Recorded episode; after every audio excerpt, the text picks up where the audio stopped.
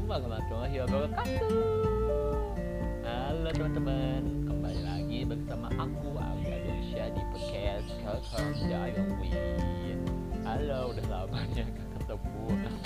Nah teman-teman Alhamdulillah kita ketemu lagi Karena aku diamanahkan untuk uh, mengerjakan tugas uh, Untuk sharing-sharing nih kepada teman gitu.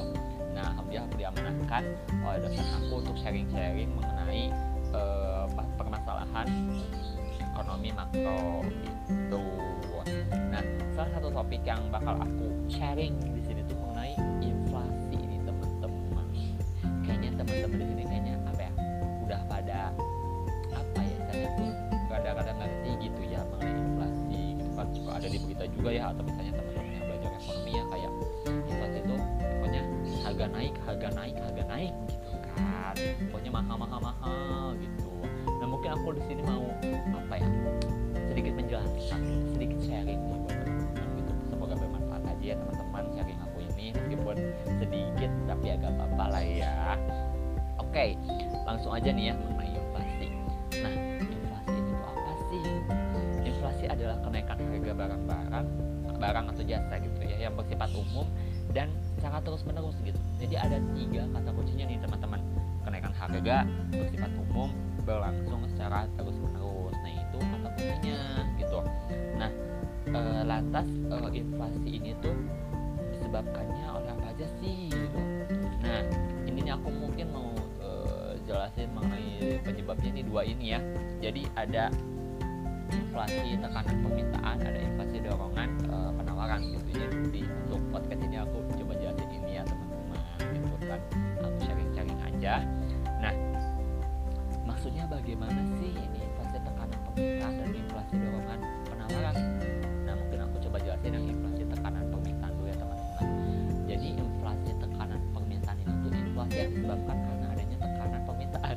gitu ya.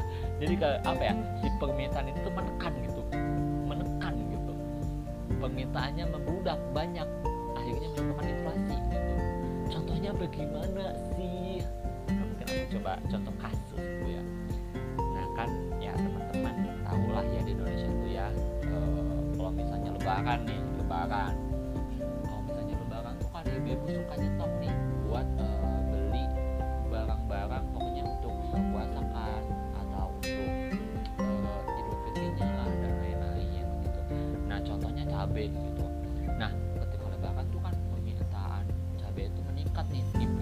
pada beli cabai gitu untuk bulan puasa atau idul fitri. Nah otomatis kan yang banyak ya yang mau cabai nih banyak nih. Nah sedangkan penawaran cabai atau stok cabainya tuh ya gitu-gitu aja gak nambah gitu.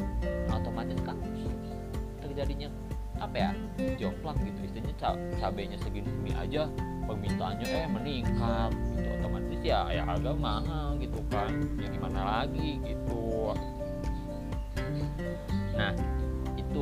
mengenai uh, inflasi tekanan permintaan ya secara umumnya gitu.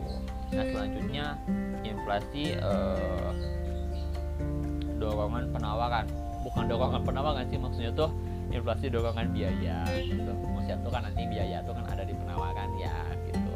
Nah maksudnya bagaimana sih? Nah kalau ini tuh uh, disebabkan oleh adanya apa ya kayak semacam peningkatan biaya nih produsennya. Maksudnya gimana sih?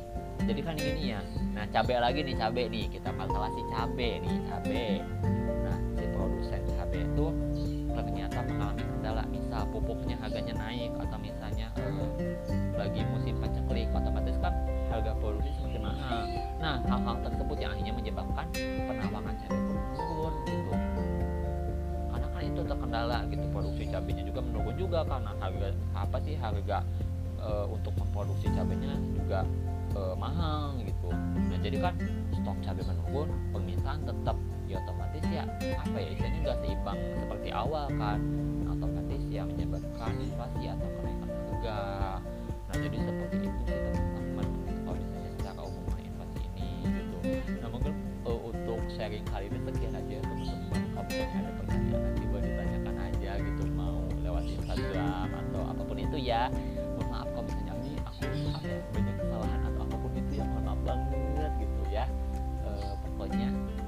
kita belajar bareng lagi nanti